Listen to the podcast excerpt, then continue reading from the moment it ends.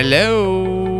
အားလုံးမင်္ဂလာပါရောက်ချင်းစီတိုင်းကို The City Podcast ကနေပြီးတော့အသစ်တစ်ဖန်ပြန်လဲကြိုဆိုလိုက်ပါရခင်ဗျာကျွန်တော်ကတော့ Henry ဖြစ်ပါဒီနေ့အစီအစဉ်ကတော့ Family and Marriage Series ပဲဖြစ်ပါတယ်ခင်ဗျာအရောက်ချင်းစီတိုင်းစိတ်နှလုံးသားများကိုဖွင့်ထားတဲ့ဖရာသခင်ရဲ့နီးလန်းတွေကိုအတူတူခံယူရအောင်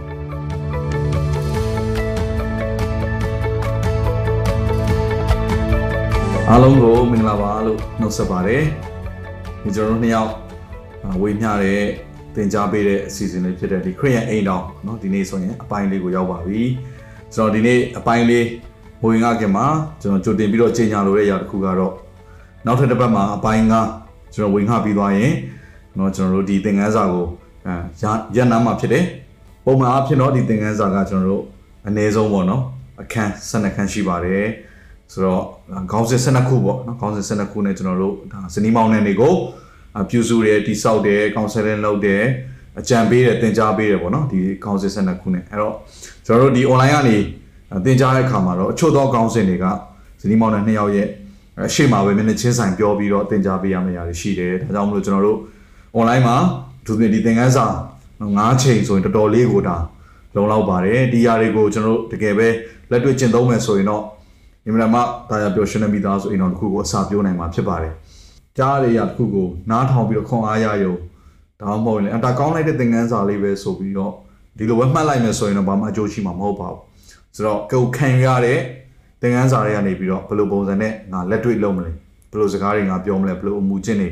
ဘယ်လိုဆောင်မလဲဆိုတော့ကျွန်တော်ဆုံးဖြတ်ရမှာဖြစ်ပါတယ်။ဒါကြောင့်လည်းဒီနေ့ကျွန်တော်တို့အပိုင်းလေးမှာနော်ခရီးယန်အိမ်တော်အပိုင်းလေးမှာကျွန်တော်တို့ပေးထားတဲ့ခေါင်းစဉ်လေးကတော့ဥဒုယာတိတောကိုမီးဆိုတဲ့အရာလေးကိုအခြေပြုထားတဲ့ဥဒုယာတိ အချစ်ကိုမီးဆိုတာတော့เนาะကျွန်တော်တို့အိမ်တော်ရေးဆိုတော့အချစ်ဆိုပြီးပြောင်းလိုက်တာပေါ့တကယ်တော့ဆိုလိုချင်တဲ့အရာကတော့ကျွန်တော်တို့ဥဒုယာတိတောကိုမီးအတိပ္ပယ်ကပါလဲဆိုတော့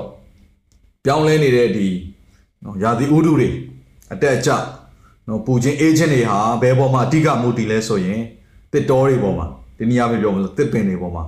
မူတည်တယ်တစ်ပင်တွေမရှိတော့ဘူးဆိုရင်ယာတိဥဒုဖောက်ပြန်မှုတွေဖြစ်လာမယ်ဆိုတဲ့အရာကိုဒါတဘာဝနဲ့ပတ်သက်တဲ့အရာအသိပညာပညာရှင်တွေက လေ့လာပြီးသားဖြစ်တယ်ပြောပြီးသားဖြစ်တယ်ကျွန်တော်တို့အားလုံးလည်းသိပါတယ်ဒါကြောင့်မလို့เนาะအခုခေတ်မှာဆိုရင်တစ်တော်ပြုံးပြီးတဲ့အရာတွေကိုကျွန်တော်တို့လေးထားပြောကာကွယ်တဲ့အရာတွေတွေ့ရတယ်အဲ့တော့ဒီအရာလေးကခရီးယန်အိမ်တော်ဇနီးမောင်နဲ့နှစ်ယောက်ကြားထဲမှာဘယ်လိုပုံစံနဲ့များသက်ဆိုင်မှုရှိလဲလို့မေးစရာအကြောင်းရှိပါတယ်ကျွန်တော်တို့မိသားစုအိမ်တော်တစ်ခုအထူးသဖြင့်ဇနီးမောင်နဲ့နှစ်ယောက်ကြားထဲမှာရှိတဲ့ယဉ်ကျေးကျွမ်းဝင်မှုဆက်ဆံရေးဟာသူကယာတီဥနဲ့သွားပြီးတော့တူးညီတယ်เนาะလေထုပေါ့အာသူကအေးချင်းပူချင်းညတာချင်း ပြောမယ်ဆိုရင်ဒါယင်းနှီးဆက်ဆံရေးဇနီးမောင်နဲ့နှစ်ယောက်အဆင်ပြေတယ်မပြေဘူးဆိုတော့အဲ့ဒီအခြေအနေအဲ့ဒီယာဒီဥဒုဟာဘယ်ပေါ်မှာမူတည်လဲဆိုရင်ဒါတစ်ပင်လို့ပြောလို့ရတဲ့နော်ဇနီးမောင်နဲ့နှစ်ယောက်ကြားထဲမှာဘယ်ຢာတွေကိုကိုကစိုက်ပျိုးထားလဲနော်ဘယ်လိုအပင်မျိုးကိုရှင်သန်စေလဲနော်ဘယ်လိုအသီးနှံမျိုးကိုနော်ပေါ်ထွက်လာဖို့ရန်အတွက်ဇနီးမောင်နဲ့နှစ်ယောက်ကြားထဲမှာဘယ်လိုမျိုးစေ့တွေကိုစိုက်ကြသလဲ ဆိုတော့ဒီဟာလေးကိုကျွန်တော်တို့အဓိကထားပြီးပြောမှာဖြစ်တယ်ဒါအားလုံးသိတဲ့အတိုင်းပဲဘုရားခင်စပြီးဖန်ဆင်းတဲ့အချိန်ကလေးက natural law ဆိုတဲ့သဘာဝနဲ့ဆိုင်တဲ့သူကနော်နီးဥပဒေသားတွေကပေါ်လာပြီးသားဖြစ်တယ်ဆိုတော့အလင်းကိုဖန်ဆင်းတဲ့အခါမှာအလင်းနဲ့ပတ်သက်တဲ့ဒါအမြန်နှုံးနော်ဒါကအတန်ထွက်လာတဲ့အခါမှာအတန်နဲ့ပတ်သက်တဲ့ဂျိန်နှုံးစသဖြင့်ဒီအရာတွေပေါ်မှာဒါ physics ရဲ့ law တွေအများကြီးပေါ်ထွက်လာတယ်ယူပဗေဒနီးဥပဒေသားတွေပေါ်ပေါ်ထွက်လာသလိုပဲသူကတစ်ပင်ဆိုတဲ့အရာကိုဘုရားရှင်ကဖန်ဆင်းလိုက်တဲ့အခါမှာ နှုတ်ကပတ်ချမ်းစာကဘယ်လိုပြောလဲဆိုကဘာဦးကျမ်းထဲမှာမျိုးစေ့ပါလျက်သူကနော်ဒါအသစ်ပင်တွေကိုဘုရားရှင်ကအာဖန်ဆင်းတယ်လို့ပြောတယ်ဆိုတော့အဲ့ဒီသစ်ပင်မှာတတိတတိထဲမှာမှသူနဲ့တူတဲ့မျိုးစေ့သူကပါပြီးသားဖြစ်တယ်အဲ့တော့တရက်ပင်က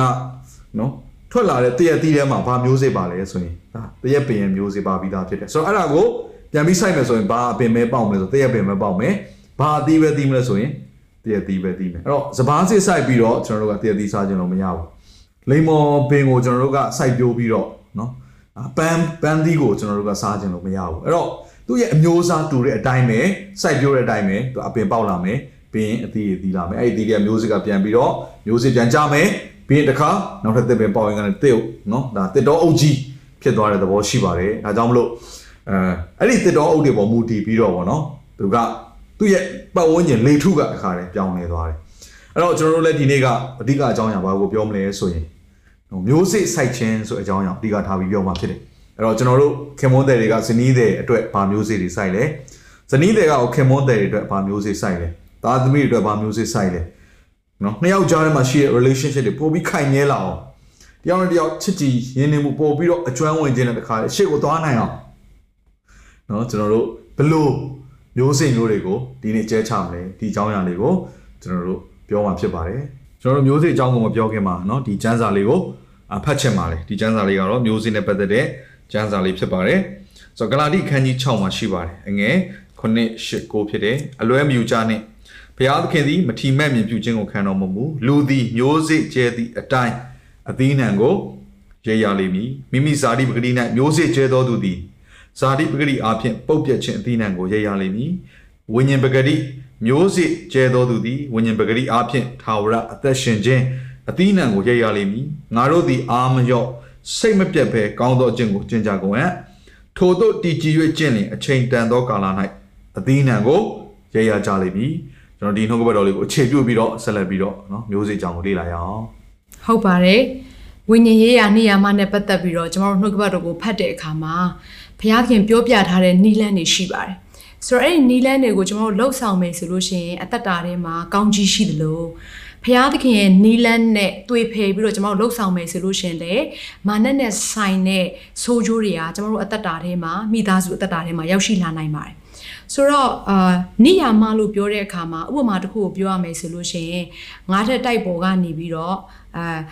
မြေကြီးရဲ့ဆွဲငင်အားမတိလို့ခုံချမယ်ဆိုရင် သူကကြိုးပဲ့ပြီးတော့သူကနာကျင်မှုဆိုတာရှိမှာပဲနိယာမတစ်ခုကိုတိတိမတိတိသူ့ရဲ့အကျိုးသက်ရောက်မှုဆိုတာတံပြန်မှုဆိုတာအများတန်းရှိတယ်ဒါကြောင့်မလို့ကျမ်းစာထဲမှာလည်းဘာပြောထားသလဲဆိုလို့ရှိရင်ဟောရှေထဲမှာငါလူတို့ဒီပညာနည်းသောကြောင့်ဆုံးရှုံးခြင်းကိုရောက်တယ်တဲ့ဆိုလိုတဲ့အရာကဒီနေ့ဘုရားသခင်ရဲ့နေဥပဒေသားဘုရားသခင်ပညာကိုကျမတို့သိမယ်ဆိုရင်အတ္တတာထဲမှာဆုံးရှုံးစရာအကြောင်းမရှိဘူးပျက်စီးစရာအကြောင်းမရှိဘူး ဒါဆိုလို့ရှိရင်ကျွန်တော်အသက်တာထဲမှာနေ့ရက်အစဉ်တိုင်းတိဆောက်မယ့်အရာကဘုရားသခင်ရဲ့နှုတ်ကပတ်တော်ကိုဖတ်ရှုပြီးတော့နှုတ်ကပတ်တော်ကိုနေ့ရက်အစဉ်တိုင်းမှာလိုက်လျှောက်အသက်ရှင်နေဖို့ပဲဖြစ်ပါတယ်အဲ့တော့ကြည့်လိုက်မယ်ဆိုလို့ရှိရင်အဲကျွန်တော်နေ့စဉ်အသက်တာထဲမှာရှောက်လန်းတဲ့အခါမှာရွေးချယ်ကြရတယ်အများကြီးရှိတယ်ခုနဆရာလည်းပြောသွားတယ်ကောင်းသောမျိုးစေ့ကိုကျဲချမလားဒါမှမဟုတ်ဆိုးတဲ့မျိုးစေ့တွေကိုကျဲချမလားဆိုလိုတဲ့အရာကဘုရားသခင်ရဲ့ နီးဥပဒေသားနဲ့ဆိုင်တဲ့ကောင်းကြီးမင်္ဂလာနဲ့ဆိုင်တဲ့အရာတွေကိုကျွန်တော်တို့ကျဲချမလားဒါမှမဟုတ်ကိုယ့်ရဲ့စိတ်သဘောအလိုတိုင်းမကောင်းတဲ့မျိုးစေ့တွေကိုကျဲချမလားဆိုတဲ့အရာကတိတ်အရေးကြီးပါတယ်အဲ့တော့ဘုရားသခင်ကတော့ပြောထားပြီးသားဖြစ်တယ်ကိုစိုက်တဲ့အတိုင်းကိုရိပ်ရမယ်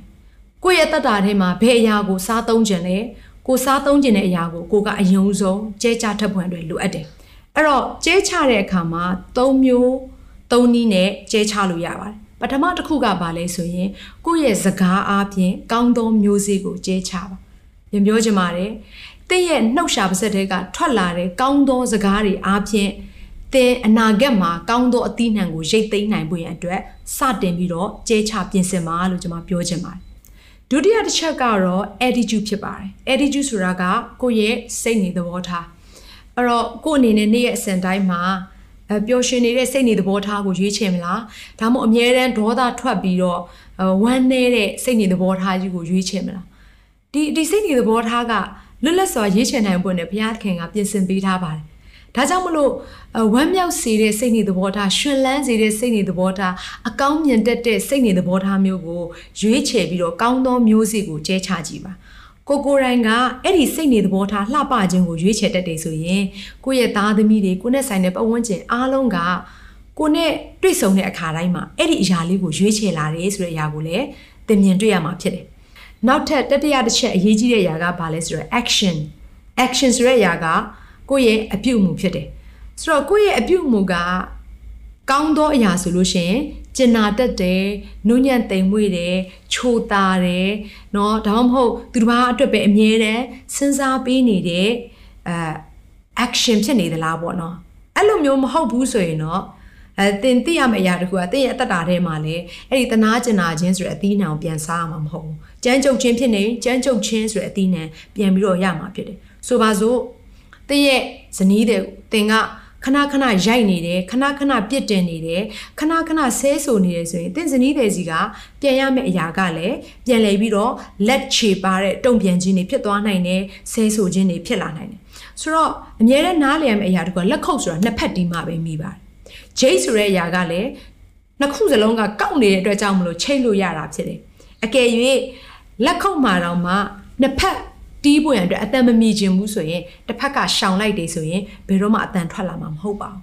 ဒါကြောင့်မို့သင်နားလည်မယ့်အရာတစ်ခုကတစ်ဖက်ကဘလောက်ပဲကြမ်းကြုတ်နေပါစေဘလောက်ပဲဆဲရေးတိုင်းထွာခြင်းပြုနေပါစေသူ့ရဲ့အပြုအမူနဲ့သူ့ရဲ့အပြောဆိုတွေမမှန်ပါစေသင်ကိုယ်တိုင်ကဒီနေ့ဖခင်ရဲ့နှုတ်ကပတ်တော်နဲ့သွားလာပြီးတော့ကောင်းသောမျိုးစေ့တွေကိုငါရွေးယူမယ်ဆိုရယ်ဆုံးဖြတ်ချက်နဲ့တင့်တက်တာထဲမှာတင်လိုက်လျှောက်မယ်ဆိုလို့ရှိရင်ကျွန်မပြောပြခြင်းပါတယ် သင်ဟာတကယ့်ကိုကောင်းသောမျိုးစေ့ကိုကျဲချတဲ့သူဖြစ်ပြီးတစ်ဖက်သားပြောင်းလဲဖို့ရန်အတွက်သင်စတင်နေတယ်ဆိုတဲ့အရာကိုသင်အဲ့ဒါလေးကိုသတိရစေခြင်းတယ်ဒါကြောင့်မို့နေ့ရဲ့အစဉ်တိုင်းမှာကောင်းသောမျိုးစေ့နှုတ်ကပတ်တော်နဲ့ဆိုင်တဲ့နေ့ယာမတွေကိုငါနေ့ရဲ့အစဉ်တိုင်းမှာလှုပ်ဆောင်မယ်ဆိုတဲ့ဆုံးဖြတ်ချက်ကိုကျွန်မခြာစေခြင်းနဲ့အဲ့ဒီအထဲကနေပြီးတော့ရရှိလာမယ်လှပပြီးတော့တကယ်မှုေးကြိုင်တဲ့အသက်တာကြီးကိုသင်မြင်တွေ့ရမှာဖြစ်တယ်အသီးအနှံကိုသင်စားသုံးရမှာဖြစ်ပါတယ် ကဲဟုတ်ပြီเนาะကျွန်တော်တို့ဒီနေ့အာเนาะရန်ဖြစ်တဲ့အကြောင်းလေးတွေနဲ့စကားပြောမယ်เนาะအာဆိုတော့လင်မယားနှစ်ယောက်ကြားထဲမှာက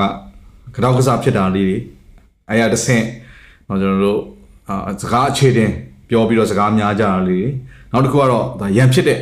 เนาะရန်ရန်ဆိုင်တဲ့အခြေအနေပေါ့အဲ့ရတစ်ဆင့်တစ်ခါတည်းတိုက်ကြခိုက်ကြเนาะလက်တွေခြေတွေပါတယ်အထိစကလုံးတွေမကတော့ဘူးဆိုတော့အဲ့လိုမျိုးသူကအရှိန်နဲ့တက်သွားတဲ့အရာလေးရှိတာပေါ့เนาะ အဲ့လိုမျိုးအရာတွေနဲ့ပတ်သက်ပြီးကျွန်တော်တို့ဘယ်လိုဖြည့်ရှင်းမလဲဆိုတဲ့အရာလေးတွေလည်းဒီနေ့ကျွန်တော်တို့နော်နှုတ်ကပတ်တော်နဲ့အတူလေ့လာရအောင်တော့ဆီယမဆော့ဆော့ကပြောခဲ့တဲ့အရာတွေကတော့ဒါမျိုးစေ့အကြောင်းပြောသွားတာဖြစ်တယ်နော်ဆိုတော့ပြန်ပြီးတော့အနှစ်ချုပ်မယ်ဆိုရင်သူက word ဆိုတဲ့စကားလုံးတွေနောက်တစ်ခုက attitude နောက်တစ်ခုကတော့ action ဆိုတော့ဒီຢာတွေအားလုံးကနှစ်ယောက်ကြားထဲမှာယောက်ျားဘက်ကကြီးပဲမဟုတ်ဘူးမိန်းမဘက်ကပဲမဟုတ်ဘူးတစ်ဖက်တစ်ဖက်အပြန်အလှန်သူက ဒါမျိုးစေ့တွေစိုက်နေကြတာဖြစ်တယ်ဆိုတော့ဒီသုံးမျိုးစလုံးကသူက source ပေါ့နော်နှစ်ခုစီကနေလာတာဖြစ်တယ်ဒီသုံးမျိုးကအဲ့တော့သင်ဘယ်လိုစကားလုံးပဲသုံးသုံးဒီလောကမှာကျွန်တော်ပြောပြမယ်သူကအရင်မြစ်နှစ်ခုပဲရှိတယ်နော် source လို့ပြောတဲ့အခါမှာအရင်မြစ်လို့ပြောတာဖြစ်တယ်အဲ့တော့ season လာတဲ့အရင်မြစ်ကနှစ်ခုပဲရှိတယ်အဲ့နှစ်ခုတည်းကတစ်ခုမဟုတ်တစ်ခုစီကနေသူကထွက်လာတာဆိုတော့သင်ပြောတဲ့စကားဟာဘုရားသခင်စီကထွက်လာတဲ့စကားလားအတိတ်ဘက်ကဘုရားသခင်နဲ့ဆိုင်တဲ့အရာလား ဘုရားသခင်အလိုတော်နဲ့ဆိုင်တဲ့အရာလားဘုရားသခင်နှစ်သက်သောစကားစကားလုံးမျိုးတွေလားဆိုတော့အဲ့လိုစကားလုံးမျိုးတွေကတော့မေတ္တာပါတယ်နော်နားလည်ခြင်းပါတယ်ဆိုတော့ဆိုတော့သူကတိဆောက်ခြင်းရှိလာတယ်ပေါ့ဒါပေမဲ့စာရန်စီကလာတဲ့စကားလုံးတွေကတော့သူကတိဆောက်ခြင်းမရှိဘူးသူကဖြိုဖျက်ခြင်းပဲရှိတယ်ယောဟန်ခန်းကြီး30ငယ်30မှာလည်းရှိပြီးသားဖြစ်တယ်နော်တခိုးဆိုတာကခိုးခြင်းတက်ခြင်းဖျက်ဆီးခြင်းကလာတယ်ဒါစာရန်ရဲ့သဘောဖြစ်တယ်ဒါပေမဲ့တိုးထိန်ဖြစ်သောဘုရားသခင်ယေရှုခရစ်တော်စီက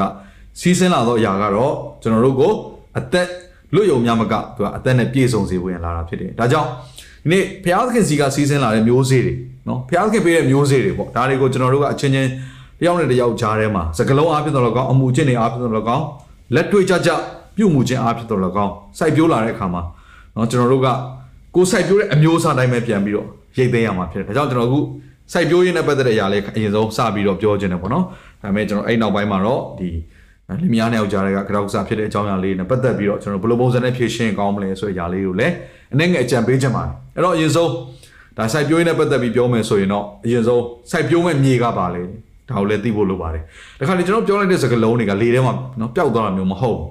ကျွန်တော်တို့အမှုကျင့်တွေကအလိုလိုအငွေ့ပြန်သွားတာမဟုတ်ဘူးသူကဘာဖြစ်လဲဆိုမျိုးစေ့ကျသွားတာဘယ်မှာကျတာလဲမျိုးစေ့ကျတဲ့နေရာကဘယ်နေရာလဲဆိုရင်နှလုံးသားဖြစ်တယ်အတွင်းထဲမှာသူရောက်သွားတာဆိုတော့ဒါကယေရှုခရစ်တော်နော် မဿခန်းကြီး73မှာသူကဒီမျိုးစေ့ကျဲခြင်းနဲ့ပတ်သက်ပြီးတော့ဘုရားသခင်နိုင်ငံတော်ဟာဆိုပြီးမျိုးစေ့ကျဲတော်သူနဲ့တူတယ်စပြီးတော့သူပြောတဲ့အခါမှာနော်လေကွက်အကြောင်းကိုပြောတယ်ဒါမျိုးစေ့ကျတဲ့နေရာကိုပြောတယ်မျိုးစေ့ဆိုတာဘာလဲဆိုတာကိုလည်းပြောတယ်ဆိုတော့ကျွန်တော်ကြည့်လိုက်တဲ့အခါမှာမျိုးစေ့ကတော့နောက်ပထမဦးဆုံးဇလန်လေးမှာဆိုနေတာနှုတ်ကပတ်တော်ဖြစ်တယ်လို့သူကတရားမျိုးစေ့ဖြစ်တယ်လို့ပြောတာဟုတ်ဆိုရင်ဒါတရားမျိုးစေ့လို့ပြောပြီးဆိုကြတဲ့ကနှုတ်ရှာပစကထွက်လာတဲ့စကားတွေဖြစ်သွားပြီကဲဒါဆိုရင်သူကမြေကိုပြောတဲ့အခါမှာသူက နော်ဒါလမ်းဘေးမှာကြားတယ်ကြောက်ပေါ်တဲ့နေရာမှာကြားတယ်တခါစူးတွေကြားထဲမှာကြားတယ်စသဖြင့်မြေအမျိုးအစားတွေကိုပြောတယ်ဆိုအဲ့မြေအမျိုးအစားကိုပြောလိုက်တဲ့အခါမှာသူကဘာကိုဥတီပြီးပြောလဲဆိုယေရှုခရစ်တော်နှလုံးသားဆိုတဲ့ဒီမြေကိုဥတီပြီးပြောတာဖြစ်တယ်ဒါနှလုံးသားမှာကြောခြင်းနော်နှလုံးသားကခက်ထန်ပြီးတော့နှုတ်ကပတ်တော်မခံယူနိုင်ခြင်းစသဖြင့်ပေါ့မျိုးစုံဘယ်ဟာဝဲပြောတယ်နှလုံးသားကိုပဲပြောတယ်ဒါကြောင့်ကျွန်တော်ပြောလိုက်တဲ့စကားလုံးတစ်လုံးဟာနော်ဒါအမှုရာတစုံတစ်ခုသောအရာဆေလွတ်လိုက်တဲ့အရာတစ်ခုဟာ ကိုယ့်ရဲ့ဇနီးတဲ့ခင်မွန်းတဲ့အသက်တာထဲမှာသူကအတွင်းအနက်ဆိုင်ဆုံးသောနှလုံးသားထဲမှာနေရာကျသွားတယ်ဆိုတော့ကျွန်တော်နားလည်ဖို့လိုတယ်အကယ်၍အဲ့ဒါကနော် မျိုးစေ့ကကျသွားပြီးတော့အမြင့်ဆွဲသွားတယ်ဆိုရင်တော့သူကအပင်ပေါက်ပြီးတော့အသီးသီးကိုပဲရှိတော့တယ်ဒါကြောင့်စပြီးတော့မျိုးစေ့မကျဲခင်ကလေးကကျွန်တော်တို့ကဘယ်လိုမျိုးစေ့မျိုးကိုကျဲမလဲဆိုတဲ့အရာကသိပြီးတော့အရေးကြီးတယ်အဲ့တော့အခုမျိုးစေ့ကျဲလိုက်တဲ့ခါမှာเนาะကျွန်တော်တို့အချက်၃ချက်ရှိပါတယ်ဒီနှလုံးသားမြေပေါ်ကိုကျသွားပြီဆိုရင်ပထမတစ်ချက်ကဘာလဲဆိုတော့သူကမျိုးစေ့ရဲ့သဘောတရားက အချိန်ကြာပြီးတော့မှသူကအပင်ပေါက်လာတာဖြစ်တယ်နော်အသီးသီးလာတာဖြစ်တယ်ဘယ်လေသမားကမှတခါတည်းမျိုးစစ်ကျဲပြီးတော့နောက်တရက်မှအသီးလာဆွတ်တယ်ဆိုတာမရှိပါဘူးအချိန်တစ်ခုကိုစောင့်နေအဲ့အချိန်တော့တည်းမှသူကပြုစုမယ်နော်ဆက်ပြီးတော့ natural လောက်တာပေါ့ဒီမျိုးစစ်ကိုဆက်ပြီးတော့ပြုစုသွားမယ်နော်တွန်းအားပေးမဲ့ရတယ်ဒီမျိုးစစ်ရှင်သန်ဖို့ရအတွက်အားကောင်းစေမယ်မြေဩဇာတွေကိုသူကထည့်မယ်နော်စသဖြင့်သူကပြုစုသွားတဲ့ခါမှာအချိန်ကာလတစ်ခုကိုရောက်တဲ့ခါမှာအသီးနှံကိုသူကသိမ်းရတာဖြစ်တယ်ဒီသဘောပါပဲကျွန်တော်တို့ရဲ့ နော်ကျွန်တော်တို့အားလုံးရဲ့အသက်တာထဲမှာနော်စကားတစ်ခုကိုပြောမိပြီဆိုရင်နော်အမူအရာတစ်ခုကိုအမူအကျင့်တစ်ခုကိုပြုမိပြီဆိုရင်အဲ့ဒါကနော်ချက်ချင်းလက်ငင်းတုံ့ပြန်မှုတချို့လဲဒါလက်တွေ့မှာကြုံကောင်းကြုံရနိုင်ပေမဲ့သူ့ရဲ့အစပေါင်းများစွာသောအသီးနှံတွေကတော့အချိန်တစ်ခုရောက်ရင်ပြန်ရိပ်ရတယ်။ဒါကြောင့်ဒုတိယတစ်ချက်ကနော်စိုက်ပျိုးခြင်းနဲ့ပတ်သက်တဲ့ဒုတိယတစ်ချက်ကဘာလဲဆိုရင်ပြန်ရိပ်သိမ်းရရင်ကိုယ်စိုက်ပျိုးတာထက်အစပေါင်းများစွာကိုပြန်ရိပ်ရပါတယ်။ဒါဒုတိယတစ်ချက်ဖြစ်တယ်။ ဒါကြောင့်သင်ကပထမစကားတစ်ခွန်းလောက်နဲ့ပဲမျိုးစေ့ချချလိုက်တာနော်မကောင်းတဲ့စကားတစ်ခွန်းပေါ့။ပြန်လဲရိပ်လဲရိပ်ရအောင်တခါတည်းနော်အသီးနှံပေါင်းမြောက်များစွာမကောင်းသောအသီးအားလုံးကိုပြန်ပြီးတော့ကိုယ့်ရဲ့ခင်မွန်တဲ့ဒါမှမဟုတ်ဇနီးတဲ့စီကနေအပြန်အလှန်ရိပ်သိမ်းရတာဒါကြောင့်တစ်ခါတည်းမှာကိုကကိုယ်ဇနီးတဲ့ကိုခင်မွန်တဲ့ကိုအပြစ်ပုံချခြင်းလို့မရဘူးနော်ကိုစိုက်ပျိုးခဲ့တဲ့မျိုးစေ့ကရှိခဲ့တာကိုကိုတော်မှမေ့သွားပြီဒါပေမဲ့ तू ကအချိန်တန်တဲ့ခါကျတော့အသီးသီးလာတဲ့သဘောရှိတယ်ဒါကြောင့်ဒီစိုက်ပျိုးခြင်းနဲ့ပတ်သက်တဲ့တတိယအချက်မှာ စောစောကလည်းကျွန်တော်ပြောတဲ့အထဲမှာပါသွားပြီသူကမျိုးစေ့ရဲ့ပုံစံတူအတိုင်းပဲအသိဉာဏ်ထွက်လာမယ်ကိုကကိုယ့်ရဲ့ဇနီးတဲ့ရဲ့အသက်တာထဲမှာမကောင်းတဲ့မျိုးစေ့ကိုချပြီးတော့ကောင်းတဲ့အရာတွေပဲကိုယ်ဇနီးတဲ့စီကနေ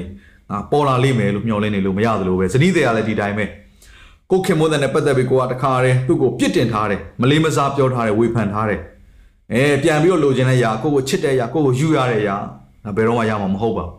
เนาะအဲ့တော့ ကျွန်တော်သဘောပေါက်ရမယ်ကျွန်တော်တို့စိုက်ပျိုးတဲ့မျိုးစစ်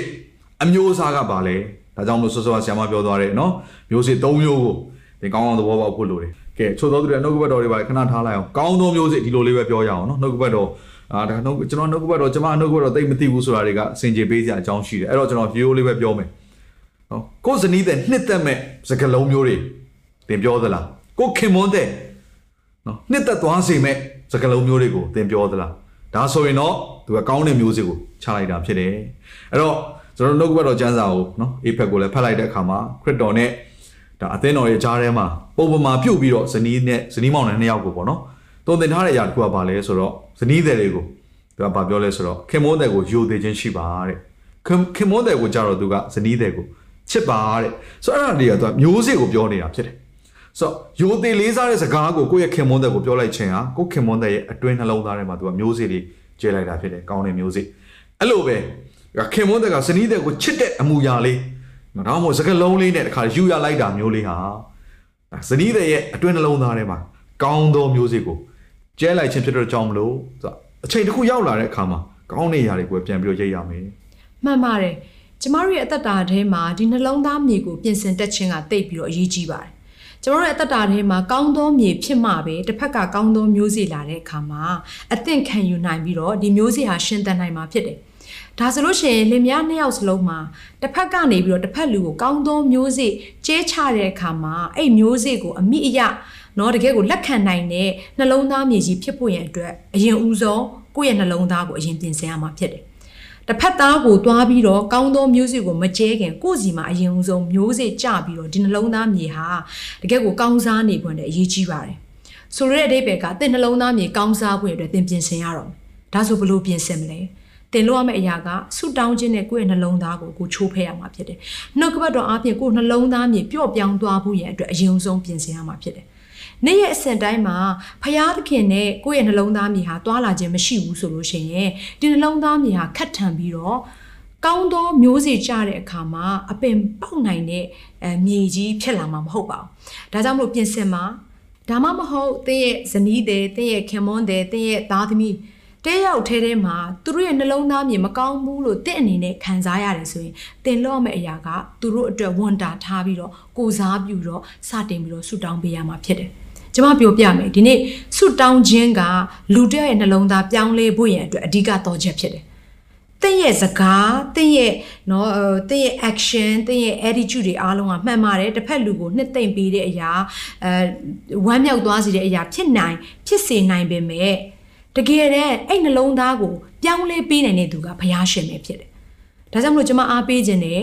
ကိုယ့်ရဲ့တစ်ဖက်သော လူတစ်ယောက်ရဲ့နှလုံးသားမြေပျော့ပြောင်းလာဖို့ရတဲ့ဒီနေ့ကစတင်ပြီးတော့ဖះရှင်မှာဆုတောင်းပါအဲ့ဒီဆုတောင်းခြင်းထဲကနေပြီးတော့ကောင်းသောမြေဆိုတဲ့အရာကိုသင်မြင်ရပြီးတဲ့နောက်ပိုင်းမှာကောင်းသောမျိုးစေ့ကိုသင်ကျဲချပါ ဒါဆိုလို့ရှိရင်တင်ကျဲချလိုက်တဲ့မျိုးစေ့တွေဟာဘယ်တော့မှအလဟတ်တန်မဖြစ်သွားပါဘူး။ဒါကြောင့်မလို့ကျွန်မအားပေးခြင်းပါတယ်ဒီနေ့ကစပြီးတော့ကျွန်တော်တို့ယုံကြည်သူတယောက်ချင်းစီတိုင်းလုပ်ရမယ့်အရာကကိုယ်နှလုံးသားမြေကိုကိုပြင်ဆင်တဲ့အပြင်တစ်ဖက်မှာရှိတဲ့နှလုံးသားမြေနုညံ့ပျော့ပြောင်းလာဖို့ရန်အတွက်နေ့ရက်အစဉ်တိုင်းမှာဆုတောင်းခြင်းနဲ့နှုတ်ကပတ်တော်အပြင်ခွန်အားပေးခြင်းနဲ့နှလုံးသားမြေကိုတူးဆွပြီးတော့ပျော့ပြောင်းစေဖို့အတွက်ပြင်ဆင်လို့ရပါတယ်ဆိုတဲ့အရာကိုလည်းကျွန်မပြောပြချင်ပါတယ်။နောက်တစ်ခုကဘာလဲဆိုတော့ အဲကို့အနေနဲ့ပေါ့နော်ဆိုပါစို့နေ့ရက်စင်တိုင်းမှာကိုလှုပ်ဆောင်တဲ့အပြုအမူကနော်ကိုရဲ့အပြောအဆိုကအဲကိုရဲ့ attitude လို့ခေါ်တဲ့စိတ်နေသဘောထားတွေကမမှန်ခဲ့တဲ့အတွက်ကြောင့်မလို့မကောင်းတဲ့မျိုးစေ့ကိုနေ့ရက်အစဉ်တိုင်းချခဲ့တဲ့အတွက်ကြောင့်မလို့ဆိုပါစို့တင့်အနေနဲ့အခုတော့ဒီသင်ခန်းစာတွေအားဖြင့်နော်ကိုရဲ့အမှားတွေကိုသင်မြင်လာရပြီဆိုရင်တစ်တစ်ချက်သင်သိရမယ့်အရာကယူကျုံမရမဖြစ်ပါနဲ့ဟာ ငါကတော့ကောင်းသောမျိုးစေ့ကိုတခါမှမကျဲချခဲ့မိဘူးဒါဆိုရင်ငါဆိုးတဲ့အသီးနှံတွေကိုပဲငါဘဝအသက်တာထဲမှာအနာဂတ်ထဲမှာရရတော့မှာလားဆိုပြီးတော့ဟိုငိုကြွေးပြီးတော့ယူကျုံမရဖြစ်တာမျိုးကျွန်မမဖြစ်စေချင်ဘူးဒီနေ့ဘုရားခင်ကယူကျုံမရဖြစ်နေတဲ့အသက်တာမျိုးကိုဘုရားမပေးဘူးစိတ်သဘောမျိုးကိုဘုရားမပေးဘူးဘုရားပေးတဲ့အရာကကိုယ့်အပြစ်တွေကိုပြန်မြင်ပြီးတော့နောင်တရတဲ့စိတ်သဘောကိုပဲဘုရားရှင်ကပေးတယ်ဆိုလိုတဲ့အရာကဒီနေ့ မာနက်ကပေးလာမဲ့ယူကျုံမရဖြစ်ခြင်းကိုကိုကိုအပြစ်တင်ခြင်းဝမ်းနေပြီးတော့အမြဲတမ်းငါတော်ပါပြီကွာဒီအိမ်အောင်ထဲမှာငါဟာအတုံးမကြတဲ့သူလို့ကိုကိုကိုခံယူသွားတဲ့သူတယောက်မဖြစ်စေဘဲနဲ့တိတ်အရေးကြီးပါတယ်အေးအဲ့ဒီအရာဝင်လာပြီဆိုရင်တော့တင်ဘာပဲလုပ်လို့တင်ရဲ့အတ္တတာထဲမှာဆုံးရှုံးခြင်းနဲ့ဆိုင်တဲ့အရာကိုမြင်တွေ့သွားအာနိုင်တဲ့အတွက်ကြောင့်မလို့ဒီဒီအချက်လေးကိုကျွန်မသတိပေးနေခြင်းဖြစ်တယ်ဒါကြောင့်မလို့ယုံကြည်သူများအကယ်၍တင့်အနေနဲ့မကောင်းသောမျိုးစေ့ကိုကျဲချမိလို့ ကို့အမားကိုကိုသိပြီးတော့ကို့အဖြစ်ကိုကိုသိပြီးတော့နောင်တရမယ်ဆိုရင်တော့ဒီနေ့တစ်အတွက်ဘုရားခင်ဂျေဇုတော်ရှိပါတယ်ဆိုတော့နောင်တရခြင်းဆိုတဲ့အရာကလည်း changing mindset ဆိုလိုတဲ့အရာကငါဘယ်တော့မှဒီလိုပြန်မလုပ်တော့ဘူးဆိုတဲ့အတွေးခေါ်မျိုးဒီလိုပြန်မပြောတော့ဘူးဒီလိုငါအပြုတ်မှုမျိုးမပြုတ်မှုတော့ဘူးဆိုတဲ့အတွေးအခေါ်ကြီးကိုပြောင်းလိုက်တဲ့အရာမျိုးကိုပြောခြင်းဖြစ်တယ်ဒါကြောင့်မလို့နောင်တရခြင်းရှိလာပြီဆိုလို့ရှိရင်တော့ တင်အရင်တုန်းကကျဲချခဲ့တဲ့မကောင်းသောအပင်တွေအားလုံးကိုပြန်ပြီးတော့တတ်နိုင်တဲ့တော့ချက်လည်းဖြစ်တယ်။နောင်တရခြင်းဟာမကောင်းသောမျိုးစေ့တွေအားလုံးကိုပြန်လည်ပြီးတော့ခြေဖြတ်နိုင်တဲ့အကောင်းဆုံးသောမြေဩဇာလည်းဖြစ်တယ်အကောင်းဆုံးသောအလက်နက်တစ်ခုလည်းဖြစ်တဲ့အတွက်ကြောင့်မလို့တင့်အနေနဲ့ ဒီနောင်တရခြင်းကိုအဲဒီတကယ်ဘုရားသခင်ထံတိုးဝင်ခြင်းကိုသင်ပြန်လဲစတင်ပြီးတော့ဒီနေ့ဘုရားရဲ့မျက်မှောက်တော်ထဲမှာသင်အသက်တာကိုစက္ကန့်အနှံ့မယ်ဆိုလို့ရှိရင်လှပတဲ့ကောင်းသောမျိုးစေ့နဲ့သင်အသက်တာထဲမှာကြီးပွားတိုးတက်ခြင်းရှိလာမှာဖြစ်ပါတယ်လို့နော်ကဲအခုကျွန်တော်တို့နော်ဟာရံဖြစ်တဲ့ကိစ္စလေးတွေပေါ်မှာနော်စကားများတဲ့အရာတွေပေါ်မှာအဆင်မပြေတဲ့အရာတွေပေါ်မှာဘယ်လိုမျိုးနှုတ်ကပတ်တော်နဲ့အညီတုံ့ပြန်နိုင်မလဲဆိုတဲ့အရာလေးကိုကျွန်တော်တို့အခုနည်းနည်းဆွေးနွေးရအောင်ဟုတ်ပြီနော် ကျွန်တော်တို့ရဲ့အတွေ့အကြုံအဲတချို့လဲဝေမျှခြင်းနဲ့အထူးသဖြင့်ကျွန်တော်တို့နော်ဇနီးမောင်နဲ့တော်တော်များများကောင်ဆယ်လုပ်တဲ့အခါမှာအာကျွန်တော်တို့ကြားရတဲ့ဇာတ်လမ်းတွေရှိတယ်ဆိုတော့ဒီຢာတွေကနေပြီးတော့ကျွန်တော်တို့သင်ခန်းစာတွေပေါ့နော်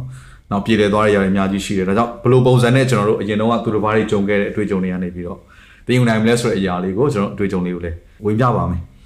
အဲ့တော့ကျွန်တော်တို့ပုံမှန်အားဖြင့်တော့ပေါ့နော်ဒါရံဖြစ်ပြီးဆိုမှတော့နော်နှုတ်ကပတ်တော်လဲမလွယ်တော့ဘူးလေ နော်ဘယ်နာနှုတ်ကပတ်တော်ကျမ်းစာလှန်ချိန်လည်းမရှိတော့ဘူးစဉ်းကျင်စဉ်းစားချိန်လည်းမရှိဘူးဆိုတော့အခုနှုတ်ကပတ်တော်နဲ့အညီဘယ်လိုတုံ့ပြန်မလဲဆိုတာကဒါစကားပြောရင်ဒါအဆင်ပြေသလိုဟုတ်သလိုလိုပေါ့ရှိတာဒါပေမဲ့တကယ်အဲသူတင်ကိုတင်ဒါမှမဟုတ်ရင်သူနဲ့ကိုနဲ့ကြောက်ကစားဖြစ်ပြီဆိုရင်တော့နှုတ်ကပတ်တော်ကတိတ်ကောင်းထဲမှာရှိဖို့မလွယ်တော့ဘူးเนาะအတွေးထဲမှာရှိဖို့မလွယ်တော့ဘူးသူကမကျင်တတ်တာတွေကပိုများနေတယ်เนาะနောက် အနှုတ်လက္ခဏာပေါ့နော်မကောင်းတဲ့အရာကိုပို့ပြီးတော့မြင်မိတယ်အဲ့တော့ဘယ်လိုနည်းနဲ့ရမဖြစ်အောင်တားဆီးနိုင်မလဲဆိုတဲ့ဒီနည်းလမ်းလေးတွေကိုကျွန်တော်သိဖို့လိုပါတယ်အဲ့တော့ပထမဦးဆုံးအခြားအကြောင်းအရာဘာမှမသွားခင်ရန်ဖြစ်တဲ့ခါမှာနော်ပထမဦးဆုံးသိရမယ့်ချက်ကအဲ့ဒီရန်ဖြစ်ခြင်းကိုအမြန်ဆုံးဘယ်လိုရပ်တတ်မလဲကျွန်တော်တို့ကဒါအရေးကြီးဆုံးချက်ဖြစ်တယ်ဘာကြောင့်လဲဆိုတော့သူကလင်မယားနှစ်ယောက်ယူထားရဆိုတော့ရန်ဖြစ်ဖို့မှမဟုတ်တာနော်အရင်တော့အရန်ချစ်ကြတယ်လေနော်စိတ်ကောင်းရင်လည်းတယောက်တယောက်ချော့နေကြတာပဲဥစားအဲ့တော့အခု ဇနီးမောင်နှံတွေဖြစ်ပြီးတော့မှတခါကလေးလည်းရလာပြီးတော့မှရန်နေဖြစ်ကြတယ်ကြောက်ဥစ္စာတွေဖြစ်ကြတယ်ဆိုတာကဒါမူလရည်ရွယ်ချက်မဟုတ်ဘူးကျွန်တော်တို့ကရန်ဖြစ်ဖို့မင်္ဂလာဆောင်ခဲ့တာမဟုတ်ဘူးပြီးတော့ရန်ဖြစ်ခြင်းအဖြစ်ဘာကောင်းကျိုးရလဲဆိုရင်ဘာကောင်းကျိုးမှမရှိဘူးအချို့တွေကဒါနော်အချို့ Facebook မှာရေးရတယ်ပါကျွန်တော်တွေ့ဘူးတယ်တို့ကတယောက်တစ်ယောက်ရန်ဖြစ်လိုက်ချစ်လိုက်နေတဲ့ဆိုတော့ဒါကအမှန်တိုင်းပြောရရင်သူကတိတ်ရံမဖြစ်သေးလို့နော်အချိန်သိမ့်မတက်သေးလို့နောက်တစ်ခုကမျိုးစေ့တွေကအပင်ပေါက်မလာသေးလို့သူကမျိုးစေ့ကျတဲ့အချိန်လေးပဲရှိသေးလို့ သူရန်ဖြစ်လိုက်ချစ်လိုက်ဖြစ်နေတာနောက်ပိုင်းကအချိန်တက်လာရင်သူမှတ်တမ်းတွေကများသွားပြီလေဆိုတော့အဲ့မှတ်တမ်းတွေကပြန်ပေါ်လာပြီတနည်းအားဖြင့်ပြောရမယ်ဆိုရင်စိုက်ပျိုးခဲ့တဲ့မျိုးစေ့တွေအပင်ပေါက်လာပြီဆိုရင်တော့သူကအချိန်တက်ပြီးတော့နောက်ဆုံးကွဲချင်းကွာချင်းတိဖြစ်တယ်အဲ့တော့ကွဲချင်းကွာချင်းတိမဖြစ်တဲ့အချိန်တွေမှာအချိန်တွေအထိမရောက်ဘူးဆိုရင်တော့မှသူကအာကိုလက်နော်ဒါလက်တွေခြေတွေပါလာတဲ့ကိုထိလက်ရောက်ကျူးလင်မှုတွေသူကဖြစ်လာတယ်နောက်တစ်ခုကစကလုံးနဲ့နာကျင်အောင်ထိုးနှက်ခြင်းတွေ နော်တကယ်ကိုပြင်းပြင်းထန်ထန်ပြောရရတယ်ရှိလာတယ်ဆိုတော့တယောက်နဲ့တယောက်ပြောမှဆိုအသက်ကိုပင်လင်နော်တေသွားစေခြင်းနဲ့စိတ်ဖြစ်တဲ့ခံစားချက်မျိုးထိနောက်ဆုံးအာကိုကိုကိုကလက်လျှော့လိုက်ပြီးတော့ကိုယ့်ရဲ့အသက်ကိုပင်လင်ပြန်ပြီးတော့ကိုယ့်ကိုပြန်စီရင်တဲ့အခြေအနေထိရောက်သွားနိုင်တဲ့စကလုံးမျိုးတွေကိုပြောမိတတ်တယ်ဆိုတော့အဲ့တော့ကျွန်တော်အခုမေကုံမေးမယ်အဲ့ဒါကောင်းလားလို့ပြောရင်အားလုံးအဖြေမှာပဲမကောင်းဘူးဖြစ်ချင်လားလို့ပြောရင်ဘယ်သူမှမဖြစ်ချင်ဘူးအဲ့ဒီမှာဖြစ်ချင်အဆုံးထဲမှာဘယ်သူတွေပါလဲဆိုရင်ကိုယ့်ရဲ့သားသမီးတွေထိတ်ဆုံးအောင်ပါတယ် ပုံမှန်အားဖြင့်ဒါလင်မယားနှစ်ယောက်ရန်ဖြစ်ပြီဆိုရင်ဒဏ်ရာစိတ်ဒဏ်ရာရသွားတဲ့သူတွေကကိုယ့်ရဲ့သားသမီးတွေဖြစ်တယ်။သူကမပြောရင်သာနေမယ်အတွေ့ထဲမှာသူတို့အယံဝမ်းနေတယ်ချို့တွေကကြိတ်ပြီးတော့ငိုကြတယ်။ Okay ပြီးတော့ဘုရားသခင်ကကြိတ်ပြီးတော့ဆူတောင်းတဲ့ကလေးမြောင်များစွာရှိတယ်။ဒါပေမဲ့အဲ့ဒါကိုသူတို့ဘယ်တော့မှသိရမှာမဟုတ်ဘူး။နော်သူတို့မပြောပြဘူး။ပြောပြတဲ့ကလေးတွေရှင်ရှိမှာပါဒါပေမဲ့ပုံမှန်အားဖြင့်သင်တို့သိရမှာမဟုတ်ဘူးအဲ့တော့ကျွန်တော်တို့အဲ့ဒါကိုလိုချင်လားမိသားစုရဲ့မှာတေးချာလည်းမလိုချင်ဘူးဒါဆိုရင်မလိုချင်ဘူးဆိုရင် အဲ့လိုမျိုးအရှိန်တက်လာမယ့်ຢာတွေနောက်ဆုံးကိုမျိုးစေ့ဆိုင်ပြီးတော့အပင်ပေါက်လာမယ့်ຢာတွေကြီးကြီးမားမားရံပွဲတွေမဖြစ်လာဖို့ရန်အတွက်သူကဘာလုပ်ဖို့လိုလဲဆိုရင်ရန်စဖြစ်တော့မယ်ဆိုကြတဲ့ကအဲ့ဒါကိုအမြန်ဆုံးနှစ်ယောက်စလုံးကငါတို့ဘယ်လိုအဆုံးသတ်မလဲဆိုရအောင်အများနဲ့ခေါင်းထဲမှာထည့်ထားဖို့လိုတယ်။ဒါကြောင့်အခုအပင်ရံမဖြစ်သေးဘူး။အခုဗီဒီယိုကြည့်တဲ့အချိန်မှာရံမဖြစ်သေးဘူးဆိုရင်ကျွန်တော်ဒီဂျမ်ပေးချက်လေးကိုပေးခြင်းတယ်။ငါတို့အကယ်၍များကြောက်ကစားဖြစ်เสียနော်။ရောင်းတယောက်အပြစ်တင်เสียရန်ဖြစ်เสียအကြောင်းတရားတစ်စုံတစ်ခုရှိရင် စရန်ဖြစ်တော့မယ်ဆိုတဲ့အချိန်ကလေးကငါတို့ရပ်ဖို့စ조사မယ်ဆိုဆုံးဖြတ်ချက်ကိုအခုတည်းကချပါ။ဟုတ်ပြီ။ဒါဆိုရင်ကဲဘလို့ရက်ရအောင်လုပ်မလဲ။နော်ဖြံမြေမဲ့လူလည်းမရှိဘူးလေ။ရအောင်ဘလို့လုပ်မလဲ။အဲ့တော့ဘာလုပ်ရမလဲဆိုရင်သူကရန်ဖြစ်တဲ့သဘောတရားကသူအခြေတင်ဖြစ်တယ်တယောက်ကပြောမယ်တယောက်ကပြန်ချိန်မယ်တယောက်ကပြန်ပြစ်တယ်မယ်တယောက်ကပြန်ချိန်မယ်ဆိုတော့ဘာဖြစ်နေလဲဆိုတော့သူကဆက်ဝိုင်းလိုမျိုးပဲနော်သူကချိန်ပြီးတစ်ခုလုံးဖြစ်နေတာဆိုတော့အဲ့ဒါကနှစ်ယောက်လုံးကိုချုပ်နှောင်နေတာလေအဲ့တော့အဲ့ဒါကိုဖျက်တော့ရမယ်နော်အဲ့တော့နှစ်ယောက်ရှိရတဲ့ကြောင့်မလို့တယောက်က အရင်ဆုံးအဲ့ဒီရန်ပွဲကိုရက်တန့်ဖို့ရန်အတွက်အဲ့ဒီနော်အစင်မပြေမှုတွေကိုရက်တန့်ဖို့ရန်အတွက်တယောက်ကပထမဦးဆုံးလုပ်ရမယ်အဲ့ဒါဘာလဲဆိုတော့လုံးဝမတုံ့ပြန်မနဲ့ပါဇက်ပိတ်လိုက်တာဒါနည်းနည်းခက်နိုင်ပါတယ်ဒါပေမဲ့တင်းရဲ့အတွေးထဲမှာငါတို့လင်မယားနှစ်ယောက်ကရံဖြစ်ဖို့မဟုတ်ဒါပေမဲ့ရံဖြစ်လာရင်စဉ်းစားလာပါငါအရင်ဆုံးရက်လိုက်မယ်ကဲအဲ့အမျိုးသမီးကလည်းငါအရင်ဆုံးရက်မယ်ငါဆက်ပြီးစကားတွေအများကြီးမပြောပါပြောရင်တော့အချိန်တက်ပြီလေနော်ဆက်ပြီးတော့စိုးဖို့ပဲရှိတော့တယ်အဲ့တော့ ဒီဟာကြီးကဖျားလို့ရှိတဲ့ຢာမဟုတ်ဘူးငါတို့လုံးဝဖြစ်ချင်ခဲ့တဲ့ຢာမဟုတ်ဘူးဒါကြောင့်မလို့ဒီຢံပွဲကိုမှားမှားမှန်မှန်တယောက်ကရက်လိုက်နောက်ဆုံးနော်နှစ်ယောက်လုံးတယောက်တယောက်ပြောလာပြီကဲယောက်ျားငါရက်မယ်လို့ဆုံးဖြတ်ရက်လိုက်ပါစပ်ပိတ်လိုက်တခါလဲတနေရာကိုသွားလိုက်ဒီလိုပုံစံမျိုးအဲ့ဒါဘာဘာလို့ခေါ်လဲဆိုတော့ तू ဒီဆွတ်ဆွတ်လဲနေတဲ့စဝိုင်းကြီးကိုဖြတ်တောက်လိုက်တာနဲ့တူတယ်ဒါသိပြီးတော့အရေးကြီးပါတယ်ရန်တွေ့ခြင်းဂုံပြန်ခြင်းဆိုရရာက तू ကဘာကိုပဲမွေးထုတ်လဲဆိုရင် तू က confuse တယောက်တယောက်ရှုပ်ထွေးကုန်တယ် အဲ့တော့ကျမ်းစာလေးကျွန်တော်ဖတ်ချင်တယ်ဒီကျမ်းစာလေးကနော်ဒါရန်ဖြစ်ခြင်းနဲ့ပတ်သက်ပြီးတော့ရန်တွေ့ခြင်းနဲ့ပတ်သက်ပြီးတော့ပြောထားတဲ့ကျမ်းစာလေးဖြစ်တယ်အရန်ကောင်းတယ်အဲ့တော့ယာကုပ်နော်အခန်းကြီး3အငယ်73ကနေကျွန်တော်ဖတ်ချင်တယ်78ထိနော်ဒါလေးကိုတေချာလေးအာနားထောင်ပေးပါဒါမျိုးစေ့ဆိုင်တဲ့အကြောင်းအရာလေးကိုပဲသူပြောနေတာဖြစ်တယ်ဒါကြောင့်ဖတ်ချင်တာဖြစ်တယ်သင်တို့တွင်အတက်အလိမ်မာနှင့်ပြည့်စုံသောပညာရှိတစ်စုံတစ်ယောက်ရှိလင်ထိုသူသည်ပညာ၏နူးညံ့သိမ်မွေ့ခြင်းနှင့်တကွကောင်းမြတ်သောကြင်ကြံပြုမှုခြင်းအဖြစ်မိမိအမှုတို့ကိုပြပါစေ သို့မဟုတ်သင်တို့စိတ်ထဲမှာခါးစွာသောဂုံပြိုင်ခြင်းရန်တွေ့ခြင်းရှိလင်တမန်တရားကိုမူတာဖြင့်ဆံ၍မဝါကြွားကြနှင့်ထို့သောသောပညာသည်အထက်မှတက်ရောက်သည့်ပညာမဟုတ်မြေကြီးပညာဇာတိပဂတိပညာနတ်ဆိုးပညာဖြစ်၏အကြောင်းမူကားဂုံပြိုင်ခြင်းရန်တွေ့ခြင်းရှိလင်မငြိမ်မဝတ်ယုံရင်ခတ်ခြင်းစိုးညစ်စွာပြုမှုခြင်းအမျိုးမျိုးရှိတတ်၏စိုးညစ်တဲ့အရာတွေပဲဖြစ်လာတယ်မငြိမ်မဝတ်ယုံရင် ခက်တဲ့ຢာတွေပဲဖြစ်လာတယ်ဘယ်အချိန်မှလဲကုန်ပြန်ခြင်းရန်တွေ့ခြင်းရှိမယ်ဆိုရင်အဲ့တော့သူ့ရဲ့နော်လှုပ်ဆောင်ခြင်းနဲ့သူကထွက်လာမယ့်ရလိုက်ကိုသူကပြောထားပြီးသားဖြစ်တယ်စက်ဖက်ခြင်းနဲ့အထက်မှာတက်ရောက်သောပညာမူကရှေးဥစွာစင်ကြယ်ဤဒါဇနီးမောင်နှံနှစ်ယောက်ကြားထဲမှာရှိရမယ်လေထုဖြစ်တယ်ထိုမှတပါအသင့်တင့်နေတတ်ဤဖြင်းညင်းသောသဘောရှိသွေးဆောင်လွယ်ဤဂယုနာနှင့်၎င်းကောင်းကျိုးနှင့်၎င်းပြည့်စုံဤလစ်လူသောစိတ်ရှိ လျှို့ဝှက်ခြင်းနဲ့ကင်းစင်ဤအကုန်လုံးပါတယ်ဇနီးမောင်နှံနှစ်ယောက်ကြားထဲမှာပြုတ်မှုရမရအကုန်လုံးပါတယ်နော်စင်ကြယ်တဲ့သဘောအစောကြီးကလေးရှိတယ်ကဲဆွဆွဲခံရပြီဆိုပါစို့နော်လိုက်လောညီတွေဖြစ်အောင်နေတတ်တယ်ကဲသူ့ရဲ့အားနည်းချက်ကိုကိုကနားလည်ပေးတယ်နော်ကိုယ့်ရဲ့ကိုယ့်ရဲ့မပြည့်စုံကိုယ်မှလည်းမပြည့်စုံခြင်းရှိတယ်ဆိုတာကိုကိုကလည်းသဘောပေါက်တယ်ဆိုတော့အသင့်တင့်လေးလိုက်လောလေးနေပေးတယ်အမြဲတမ်းတင်းကျပ်နေတာမျိုးမဟုတ်ဘူးအမြဲတမ်းကိုလိုချင်တာကြီးကိုတောင်းဆိုနေတာမဟုတ်ဘူးဆိုတော့တောင်းဆိုရင်တော့မှသူကဖြင်းညင်းတဲ့သဘောရှိတယ်သူရဲ့အပြုတ်မှုအပြောဆိုအနေထိုင် ကျန်တဲ့သဘောမရှိဘူးသွေးဆောင်လွယ်တယ်နော်ဘယ်သူမှမူနေတာလည်းမရှိဘူးမာနကြီးနေတာလည်းမရှိဘူးခါလေတယောက်ကချော့လိုက်ပြီဆိုတယောက်ကချက်ချင်းပြောဖို့ဒီလိုပုံစံမျိုးတယောက်ကအရှော့ပေးလိုက်ပြီဆိုရင်တယောက်ကလည်းရက်လိုက်ဖို့ခါလေမှာနော်ချိုးပုံမှန်အဖြစ်နော်အာကျွန်တော်ယောက်ျားတွေကစကားနဲ့ပြန်ပြီးတော့တိတ်ပြီးတော့အနိုင်ယူတာမျိုးတွေတိတ်ပြီးတော့တုံ့ပြန်လေးမရှိဘူးနော်ဆိုတော့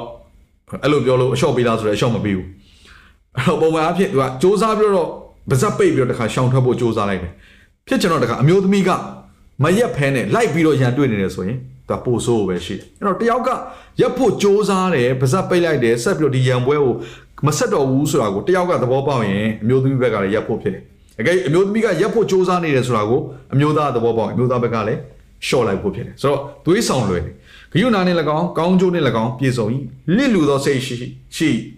ဆိုတော့အမားကင်းတဲ့လူမှာကျွန်တော်တို့ရှိမှမရှိတာနော်လူတိုင်းမှာအားနည်းချက်ရှိတယ်ဆိုကိုယ်စနီးတယ်လည်းအားနည်းချက်ရှိမှာပဲကိုယ်ခင်မွန်းတယ်လည်းအားနည်းချက်ရှိမှာပဲနော်ကိုကနော် perfect man ကိုရွေးပြီးတော့နော်ယူထားတာမှမဟုတ်တာ perfect one man ကိုရထားတာမှမဟုတ်တာ